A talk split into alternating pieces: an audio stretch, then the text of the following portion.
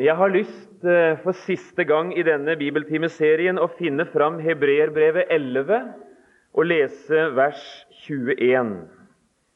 Hebreerbrevet 11 og vers 21.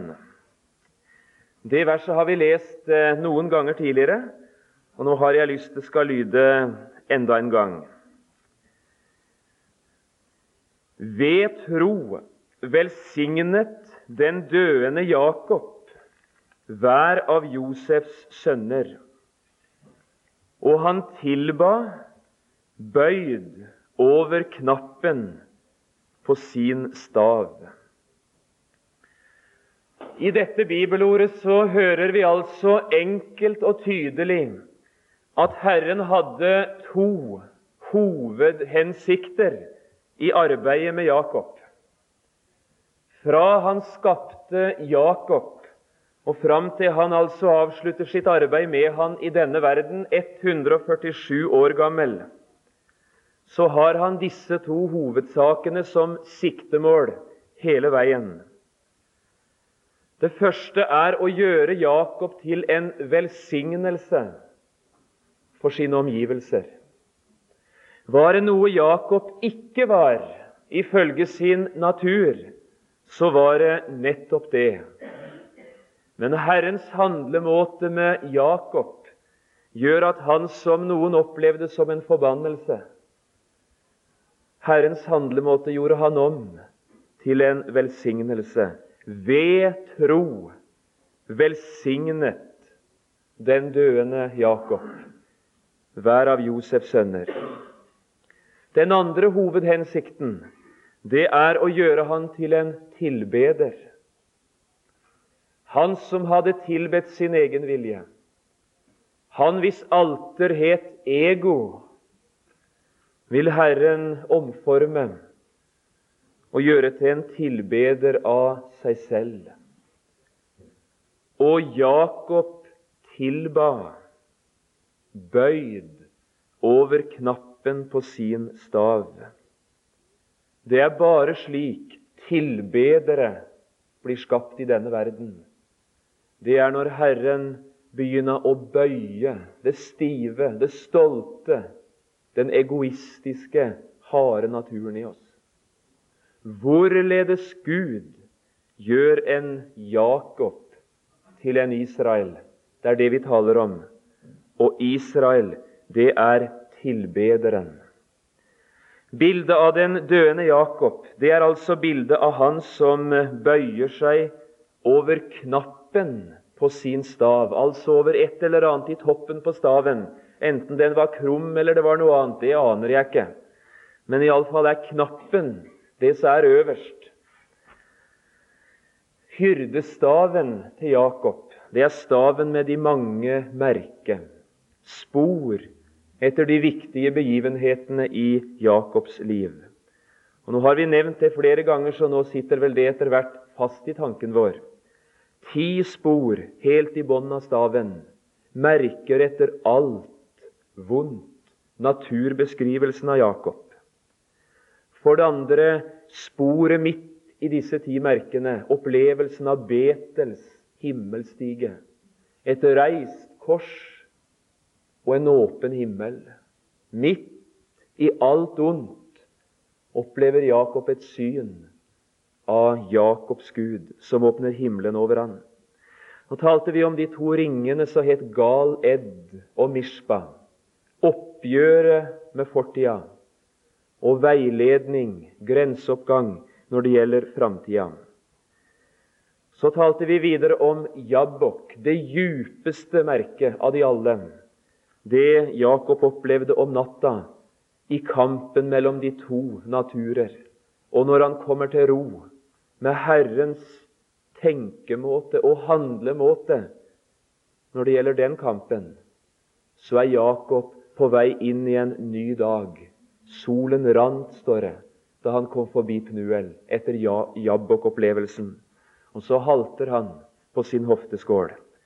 Nå har vi altså et par-tre merker igjen som vi vil konsentrere oss om. Det så det meste av minuttene nå går med til, det er tilknytta stedet Sikhem. Sikhem. Og nå sang vi altså en sang ved begynnelsen av bibeltimen.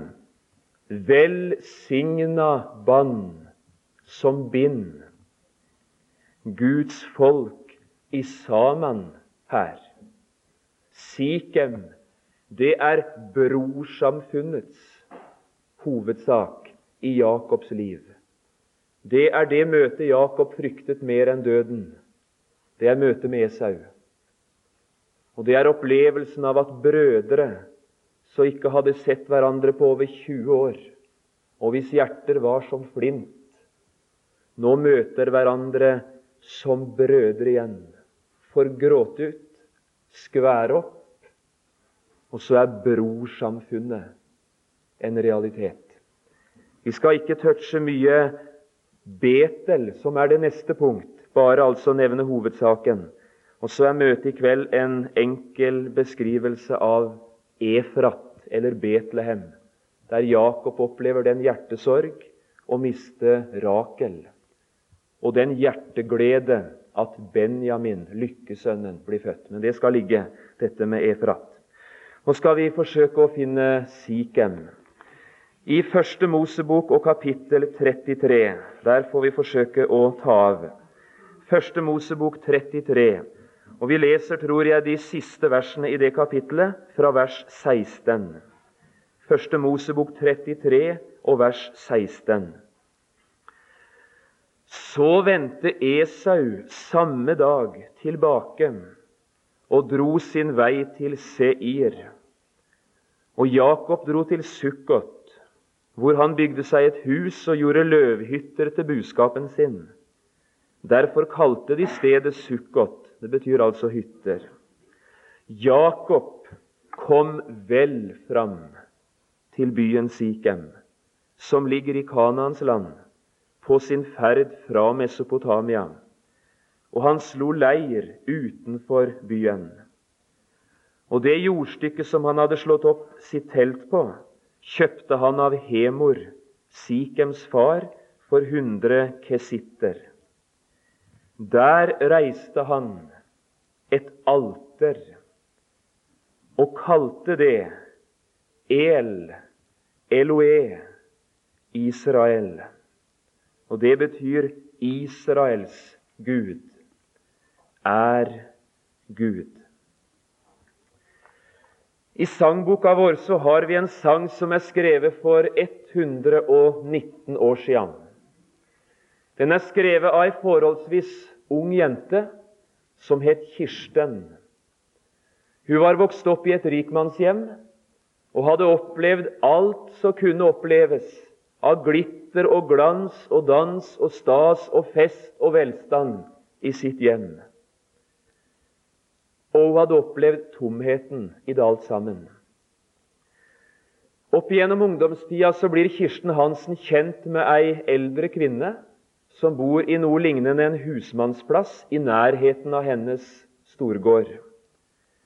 Og Denne eldre kvinna blir hun kjent med, og gjennom møtet med kvinna i husmannsplassen så lærer Kirsten Hansen Herren å kjenne.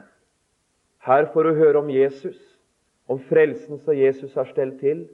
Her opplever hun å komme til tro, få veiledning inn i livet med Gud.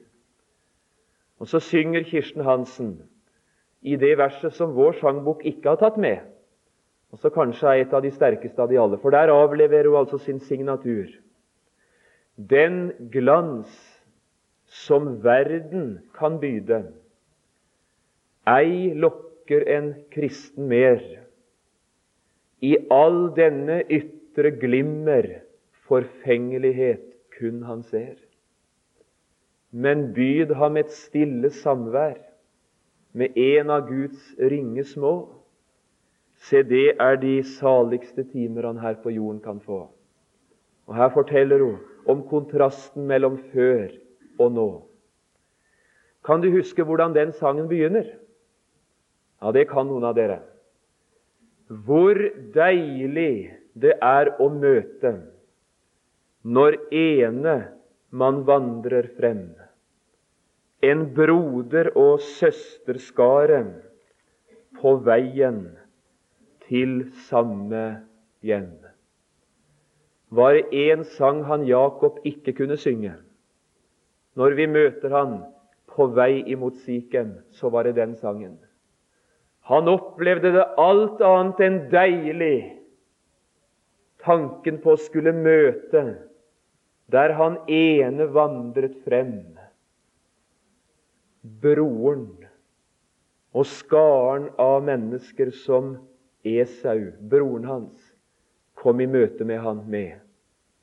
Det møtet, det brorsmøtet, det fryktet Jakob nesten som han fryktet døden.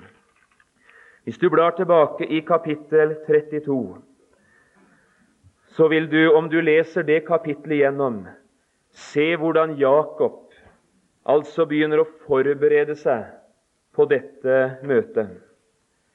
Du vil se i begynnelsen av kapittelet at han møter Guds engler på et bestemt sted.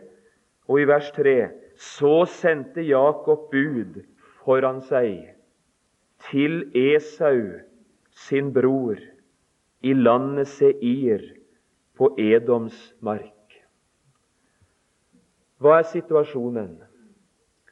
Her har Jakob etter 20 år i landet utenfor grensene levd, nytt, arbeidet og blitt en stor, velstående mann. I velstandstida har han på ulikt måte møtt Gud. Og det siste gjennomgripende møtet med Gud, som kommer nå like etterpå, gjorde saken aldeles klar, men allerede møtet med Herren på forhånd vakte tankene i Jakob. Jeg kan ikke leve i det forholdet jeg har gjort til min egen bror, til Esau. Det er uro for meg å skulle vende tilbake til landet i fred med tanke på et uoppgjort forhold til Esau. Og Det er derfor han her altså sender bud foran seg og sier, 'Jeg vil gjerne, bror, møte deg igjen.' Så får han beskjed tilbake av sine sendebud. Esau, din bror, kommer imot deg med 400 mann. Og han er lamslått. 400 mann kommer min bror imot meg med. Og han så det for seg Tyveriet av førstefødselsretten, tyveriet av velsignelsen, flukten etter moras råd uten å rekke sin bror hånda. 20 år i et uoppgjort forhold til sin egen bror. Og nå kommer han i møte med det med 400 mann. Og Så kan du lese utover i kapittelet at det er våkenetter. Det er en gang imellom at vi har våkenetter. Jeg er et menneske som sover omtrent uansett. Det skal, det skal, det skal mer enn tornevær til at jeg altså har våkenetter. Det er noen som er sånn at de har våkenetter når det er det minste som kommer på. Jeg har altså et sovehjerte av jeg vet ikke om det er stein eller hva det er. Jeg sover altså støtt. Om jeg skal ha ti møter dagen etter, så kan jeg sove før. Eh, hvis jeg er forberedt, vel å merke. Jeg mister veldig sjelden nattesøvnen. Her leser du at Jakob han har altså våkenetter ikke bare én gang, men flere. Første våkenatt, vers 9. Jakob sa, 'Kjære Gud', sa han, 'nå må du hjelpe meg.' Min far Abrahams Gud og min far Isaks Gud. Herre, du som sa til meg, 'Vend tilbake til ditt land og din slekt', og jeg vil gjøre vel imot deg. Jeg er uverdig til den miskunnhet og trofasthet som du har vist mot din tjener. For med min stav gikk jeg over Jordan her, og nå er jeg blitt til to leire.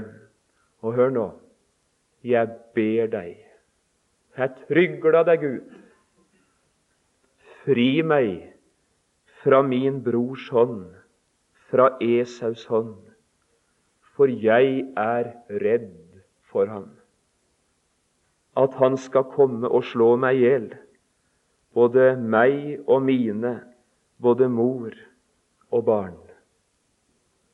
Det var lenge før søvnen kom den natta.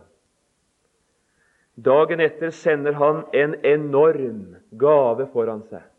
I sånne puljer så sender han buskap på buskap og buskap. Og så har han den tanken, vers 20.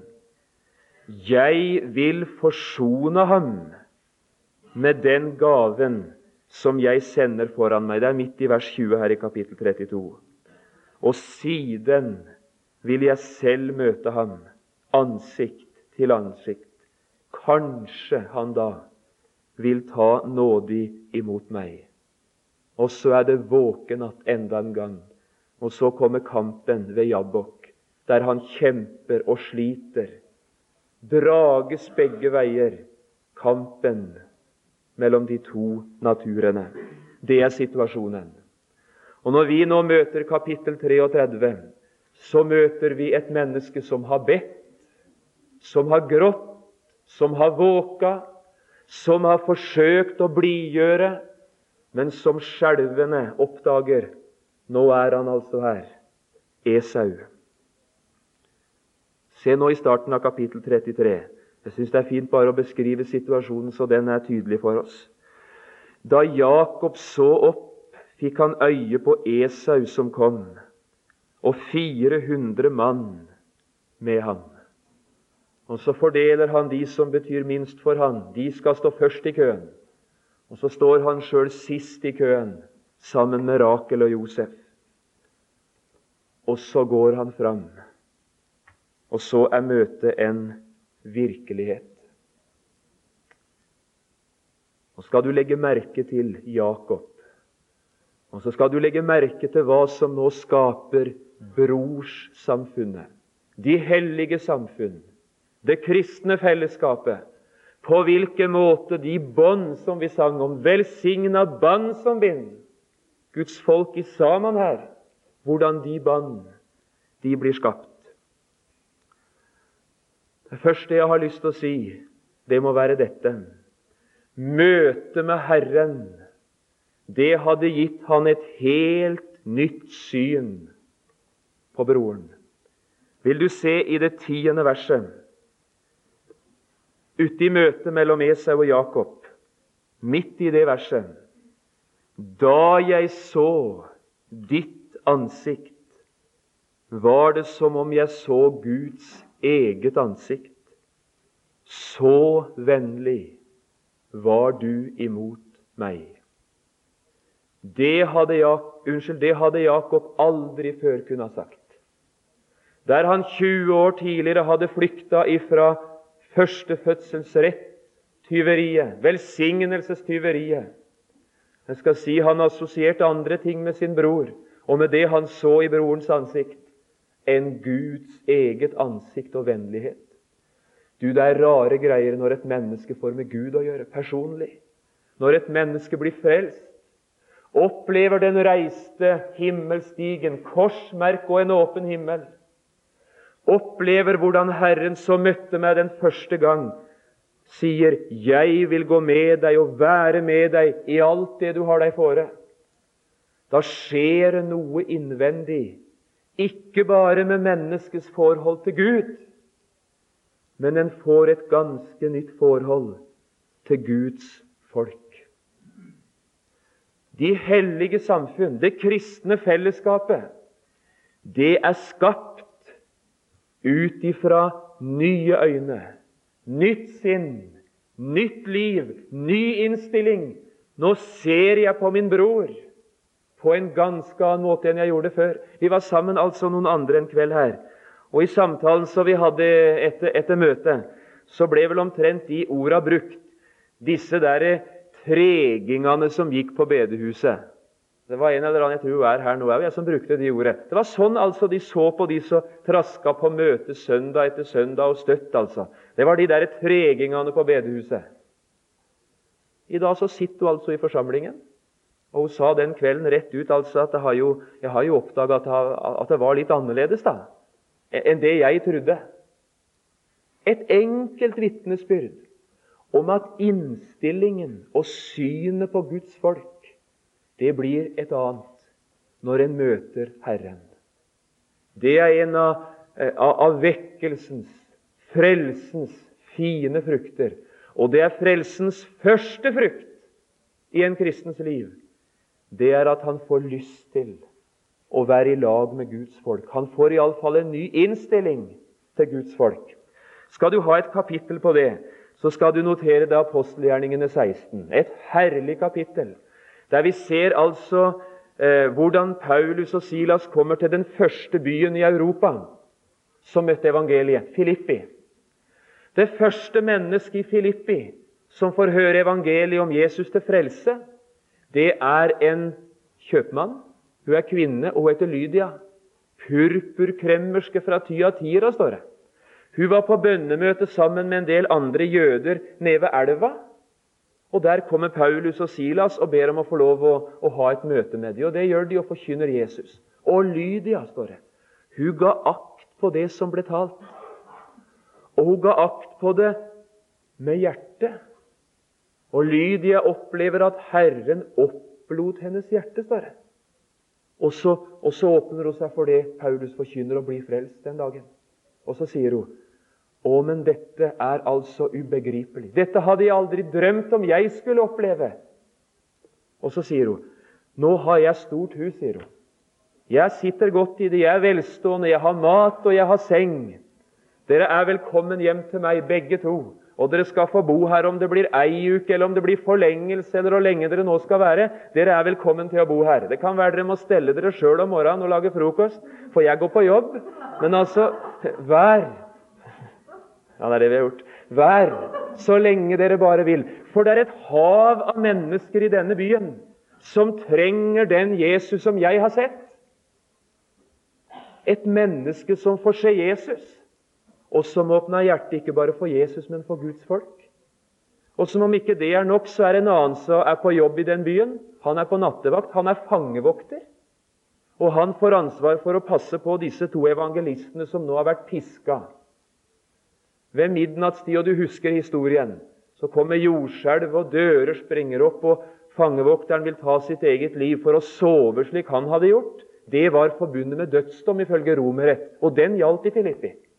Og Der han holder på og skal kaste seg over sverdet, så sier Paulus, 'Stans da, mann, og ikke gjør deg noe. Vi er her jo alle.'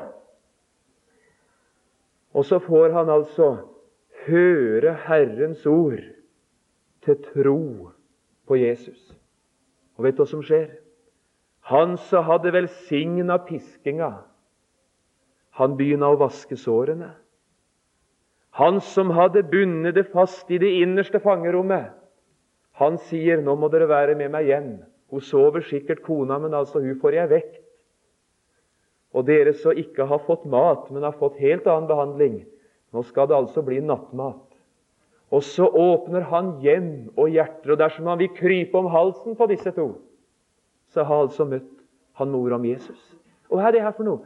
Det er den mekanismen som heter at et nytt syn på Jesus gir et nytt syn på brødrene. Det er noe av det som er skjedd i Jakobs liv. Ønsket om å få orden på forholdet til en bror. Han har fått et nytt syn på brødrene. For det andre skal du merke deg Jakob. Se nå i vers 3, der han har stilt opp hele slekta si, de som betydde minst for han først, og så Rakel og Josef etterpå. Selv gikk han fram foran dem.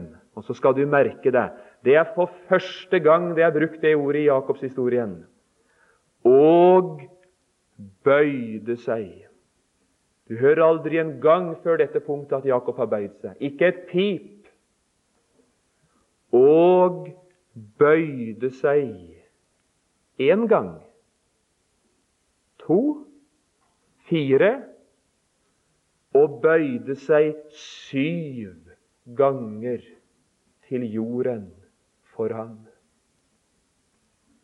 Vet du hva som skal til for at forholdet mellom brødre kan bli godt?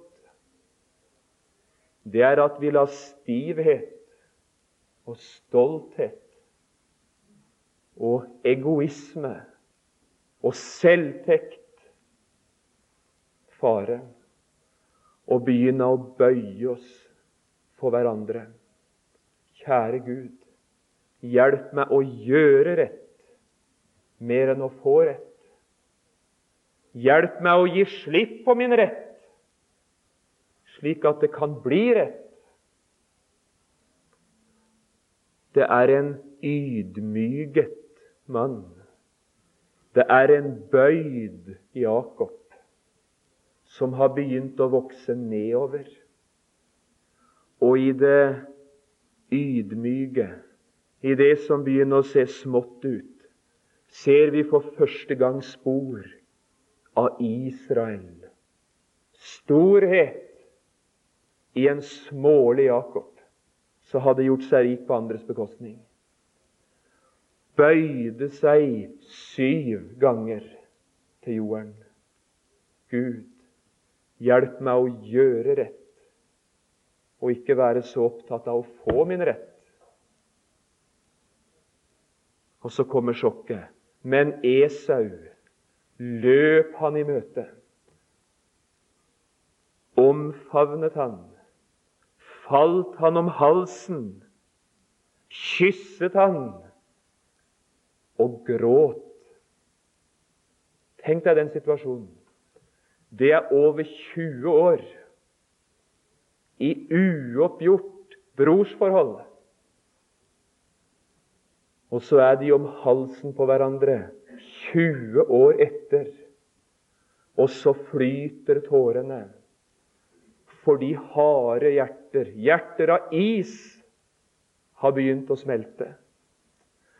Og så mange harde ord som har ødelagt forhold mellom brødre.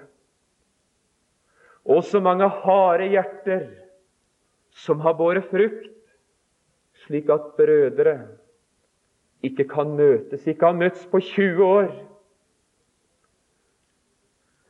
De hellige samfunn etableres aldri der innstillingen 'jeg vil stå på min rett' er den rådende.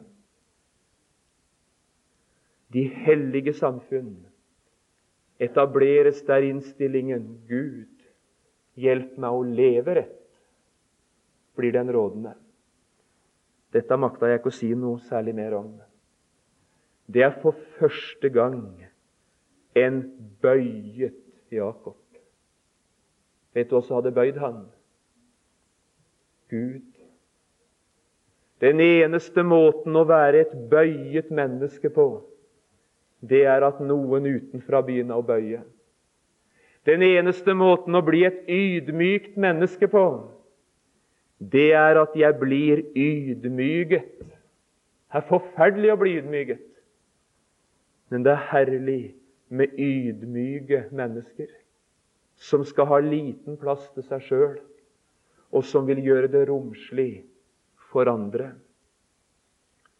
Og som om ikke det var nok, og det er det tredje Jakob, ja, la meg nå si han som her bøyer seg, gir det første signal om at tilbederen begynner å komme til syne. Tilbederen er jo den som er bøyet innenfor Guds ansikt. Det er første spor, første aningen. Kanskje det likevel er mulig for Gud å gjøre en Jakob om til en Israel. Få en tilbeder ut av han. Han bøyde seg syv ganger. La meg bare si det er enkelte brødreoppgjør, så en må bøye seg ikke én gang, men syv ganger for å få orden på. Det tredje Jakob hadde for første gang noe å gi sin bror. Han hadde stjålet førstefødselsretten på en listig måte. Han hadde stært velsignelsen, og han hadde stjålet brorskap, fellesskap, samfunn i 20 år av sin bror. Nå kommer han for første gang og så sier han, vers 11.: Kjære, ta imot min gave. Ikke 'jeg krever at du', 'jeg forlanger at du'. Det er 20 år, bror, gått siden du, og det var blodig urett det du gjorde, så jeg forlanger. Bror, ta imot min gave. vær så snill, ta imot gaven. Den rekkes deg av en åpnet hånd. Jeg er frelst ifra knyttnevene, og jeg vil gjerne gi. De hellige samfunn, det er det samfunn der offersinn, gavmildhet, det å vie ut sitt hjerte Gud, hjelp meg å akte andre høyere enn meg selv, begynner å få rom. Dette er å preke til meg sjøl, for dette er ikke mitt naturlige sinn. Dette er ikke min innstilling. Sånn er ikke jeg født. Jeg vil ha rett mer enn gjøre rett. Jeg vil få og kreve mer enn gi. Kjære, ta imot min gave. Hvilket mål hadde Gud med Jakob? Det var å gjøre han til en tilbeder. Ser du han der han begynner å bøye seg? Hadde han ikke et mål til? Å gjøre han til en velsignelse, en som hadde noe å gi. Ser du han her? Kjære, ta imot. Jeg har noe å gi deg. Jeg veit at motivene mine var ikke videre edle, for jeg ga med den hensikt å blidgjøre deg. Jeg ga for å berge mitt eget skinn. Nå ser jeg den type gave var ikke nødvendig, men ta imot min gave likevel. Ja, men kjære Jakob, jeg har mer enn nok som jeg har. Ja, ta imot den likevel. Gi meg den tilfredsstillelsen å kunne gi. Jeg har stjålet så mye, jeg har tatt så mye. Kjære, ta imot min gave. Vet du hva dette begynner å ligne på? Det begynner å ligne på et sinn som er virkeliggjort i én person i historien på en enestående måte. Filippe brevet 2, 5. Nå skal jeg sitere det. La dette sinn være i dere som òg var i Kristus Jesus. Han som da han var i Guds skikkelse, ikke holdt det for et rov å være Gud lik men av seg selv ga avkall på det. Kristi sinn er å gi avkall på. Tok en tjeners skikkelse på seg. Kristi sinn er tjenersinnet, det å stige ned og tjene nedenfra. Han fornedret seg selv, steig ned frivillig, om det bare kunne tjene andre og ble lydig inntil døden, ja, korsets død. Gud, mer enn noe annet, helt med å være tro imot de vilje. Derfor har Gud høyt opphøyet Han. Han som er større enn alle, konge fra evigheta vil en tjener seg kalle helt for oss han seg gav. La dette sinn være i dere som òg var i Kristus Jesus. Nå er brorsamfunnet skapt. Nå er forholdet nytt. Nå er hjertene smelta. Nå har tårene begynt å renne. Nå har brorskjærligheten våknet. Vet du hva Sikhem betyr? Selve ordet Sikhem, det betyr skulder. Og skulder i Bibelen, det er billedordet på kraft. Når det står om den gode hyrde at han legger lam og bærer det på sine skuldre med glede, så betyr det Herren har satt allmaktskrefter inn på å få det fortapte helt hjem. Nå har jeg lyst til å spørre hva kan skape de hellige samfunn? Guddommelig kraft. Ikke menneskestyrke, ikke viljestyrke. Ikke å hente fram ressurser innenfra, men gjennom forbindelse med det himmelske kraftverk som heter Gud, Siken styrke. Og for første gang på 20 år reiser Jakob et alter. Det hadde han aldri gjort utenom landet. Vers 20. Der reiste han et alter og kalte det El, Eloe, Israel. Vet du hva slags alter det var? Det var et alter på linje med det alteret som sto der fra før. Det sto nemlig et alter i Sikhem fra tidligere, like under Mores terebintelund. Vet du hvem som hadde reist det alteret? Ja, det vet du, det var Abraham. Sikhem er det første punkt Abraham kommer til når han lydig mot et Guds kall kommer over grensene til Kanans land. Det første han gjør, er å oppleve Sikhem. Der reiste han et alter for Herren, som hadde åpenbart seg for ham. Det første han gjør, er å reise tilbedelsens alter. Nå er sønnesønnen kommet til samme punkt.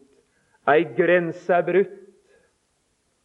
Og så reiser han for første gang på over 20 år et alter for Herren. Han har fått øye på Gud. Og med blikket festa på Gud så sier han, 'Gud, du er Israels Gud.' Hvem var Israel? Ikke et folk. Det var ikke født ennå. Israel det var han som sto og tilba, eller som bøyde seg og tilba. Gud, Herren, min Gud. Kan du huske Thomas?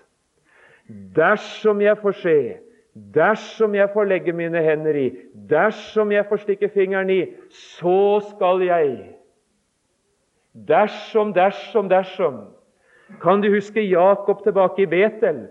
Dersom du vil være med meg, dersom du vil gi meg mat, dersom du vil gi meg dersom, dersom, dersom, så Nå er det slutt på alle dersom. Ikke et eneste dersom. Akkurat som hos Thomas.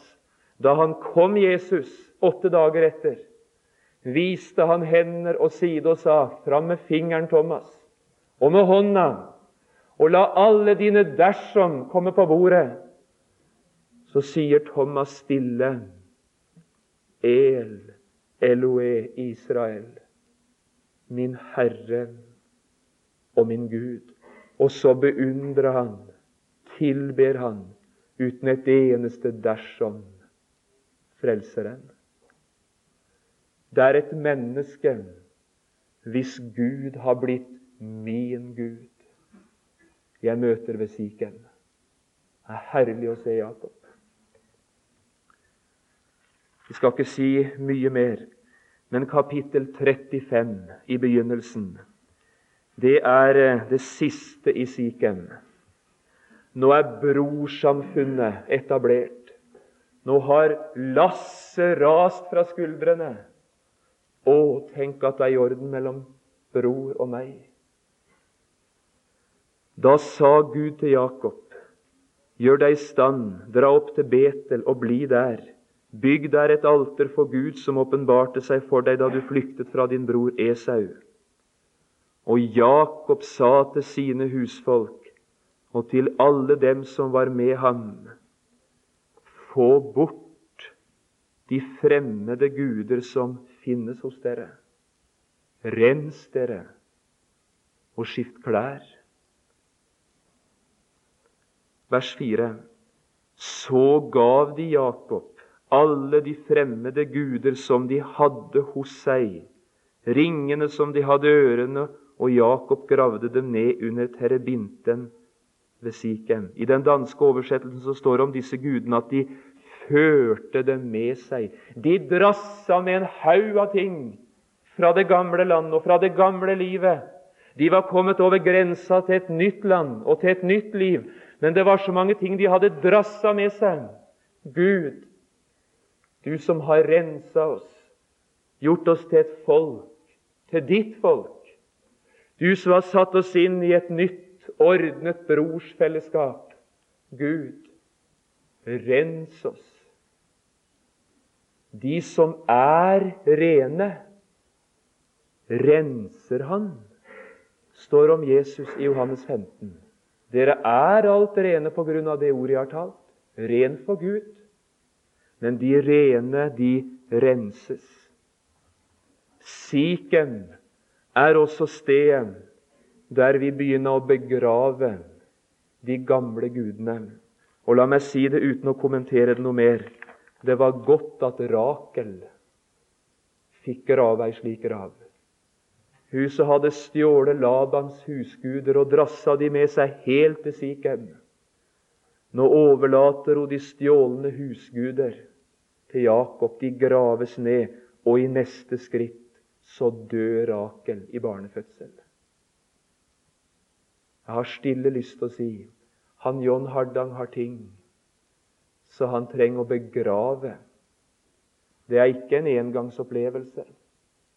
Men siken, samfunnet med Herren, avdekker så jevnt ting som skal graves ned. Ikke fordi jeg blir mer frelst av det, men fordi jeg ser jeg har drassa med meg denne tankegangen. Jeg har drassa med meg de gule finga og røykpakka. Jeg har drassa med meg musikkinteresser, bøker. Jeg har så mye drass Gud, hjelp meg å begrave det, så samfunnet med deg og samfunnet med de andre kan bli reint. Og så er de snart i Betel. Og Betel, det er framtida. Jakob kan lese om det nå rett etterpå i kapittel 35 hvis du vil. Dette land vil jeg gi deg og du skal bli til et folk som til evig tid skal ha dette landet i eie. Og så ruller Herren opp framtiden for Jakob. Å, men Jakob, du har ei herlig framtid. I 1987, la meg fortelle det til slutt, så var jeg på tur i Jordan, staten Jordan. Og Der fikk jeg så en av de store opplevelsene være med opp på Nebofjellet. Nebofjellet ligger jo i staten Jordan. Og Det var det fjellet Moses kom opp på og fikk se inn i løfteslandet uten selv å få lov å gå med inn. Å komme opp på Nebo var en veldig sterk opplevelse. Vet du hvorfor? For på Nebo sto reist et minnesmerke av et eller annet metall. Vet du hva slags minnesmerke det var? Det var kobberslangen. Et tre-fire meter høyt metallmonument av kobberslangen var reist på Nebo. Og så sto vi under merket kobberslangen, og så så vi ned i Jordandalen og bortover mot høydedragene og nesten til Jerusalem. Hør nå. Under kobberslangens merke så vi framtidens land. Like som Moses opphøyet kobberslangen i ørkenen, således skal menneskesønnen opphøyes. Still deg under det merket, for at hver den som tror på ham, skal ha evig liv. Dette land, dette himmelske fedreland, det er ditt land. Og dette folk, det hellige Guds folk, det er framtidens det er evighetens folk. Det er Kristi brud. Og han som i Betel hastig hadde reist en minnestein, kaster stein sammen på stein, og det sleit i ei ødelagt hofte hver gang han kasta ei stein fram. Og så bøyer han seg ved framtidens alter i Betel og tilber den evige Gud. Å, min framtidsdag er lys og lang.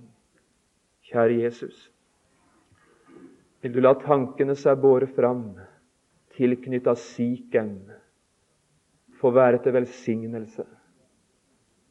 Hjelp meg, Jesus, og hjelp hver enkelt av oss å gjøre rett i de hellige samfunn, mer enn å kreve å få rett. Og gjør oss så til mennesker som våger å grave ned alt drasset fra det gamle liv, så vi kan rette ryggen mot et nytt liv i denne verden og en ny framtid i den himmelske verden. Amen.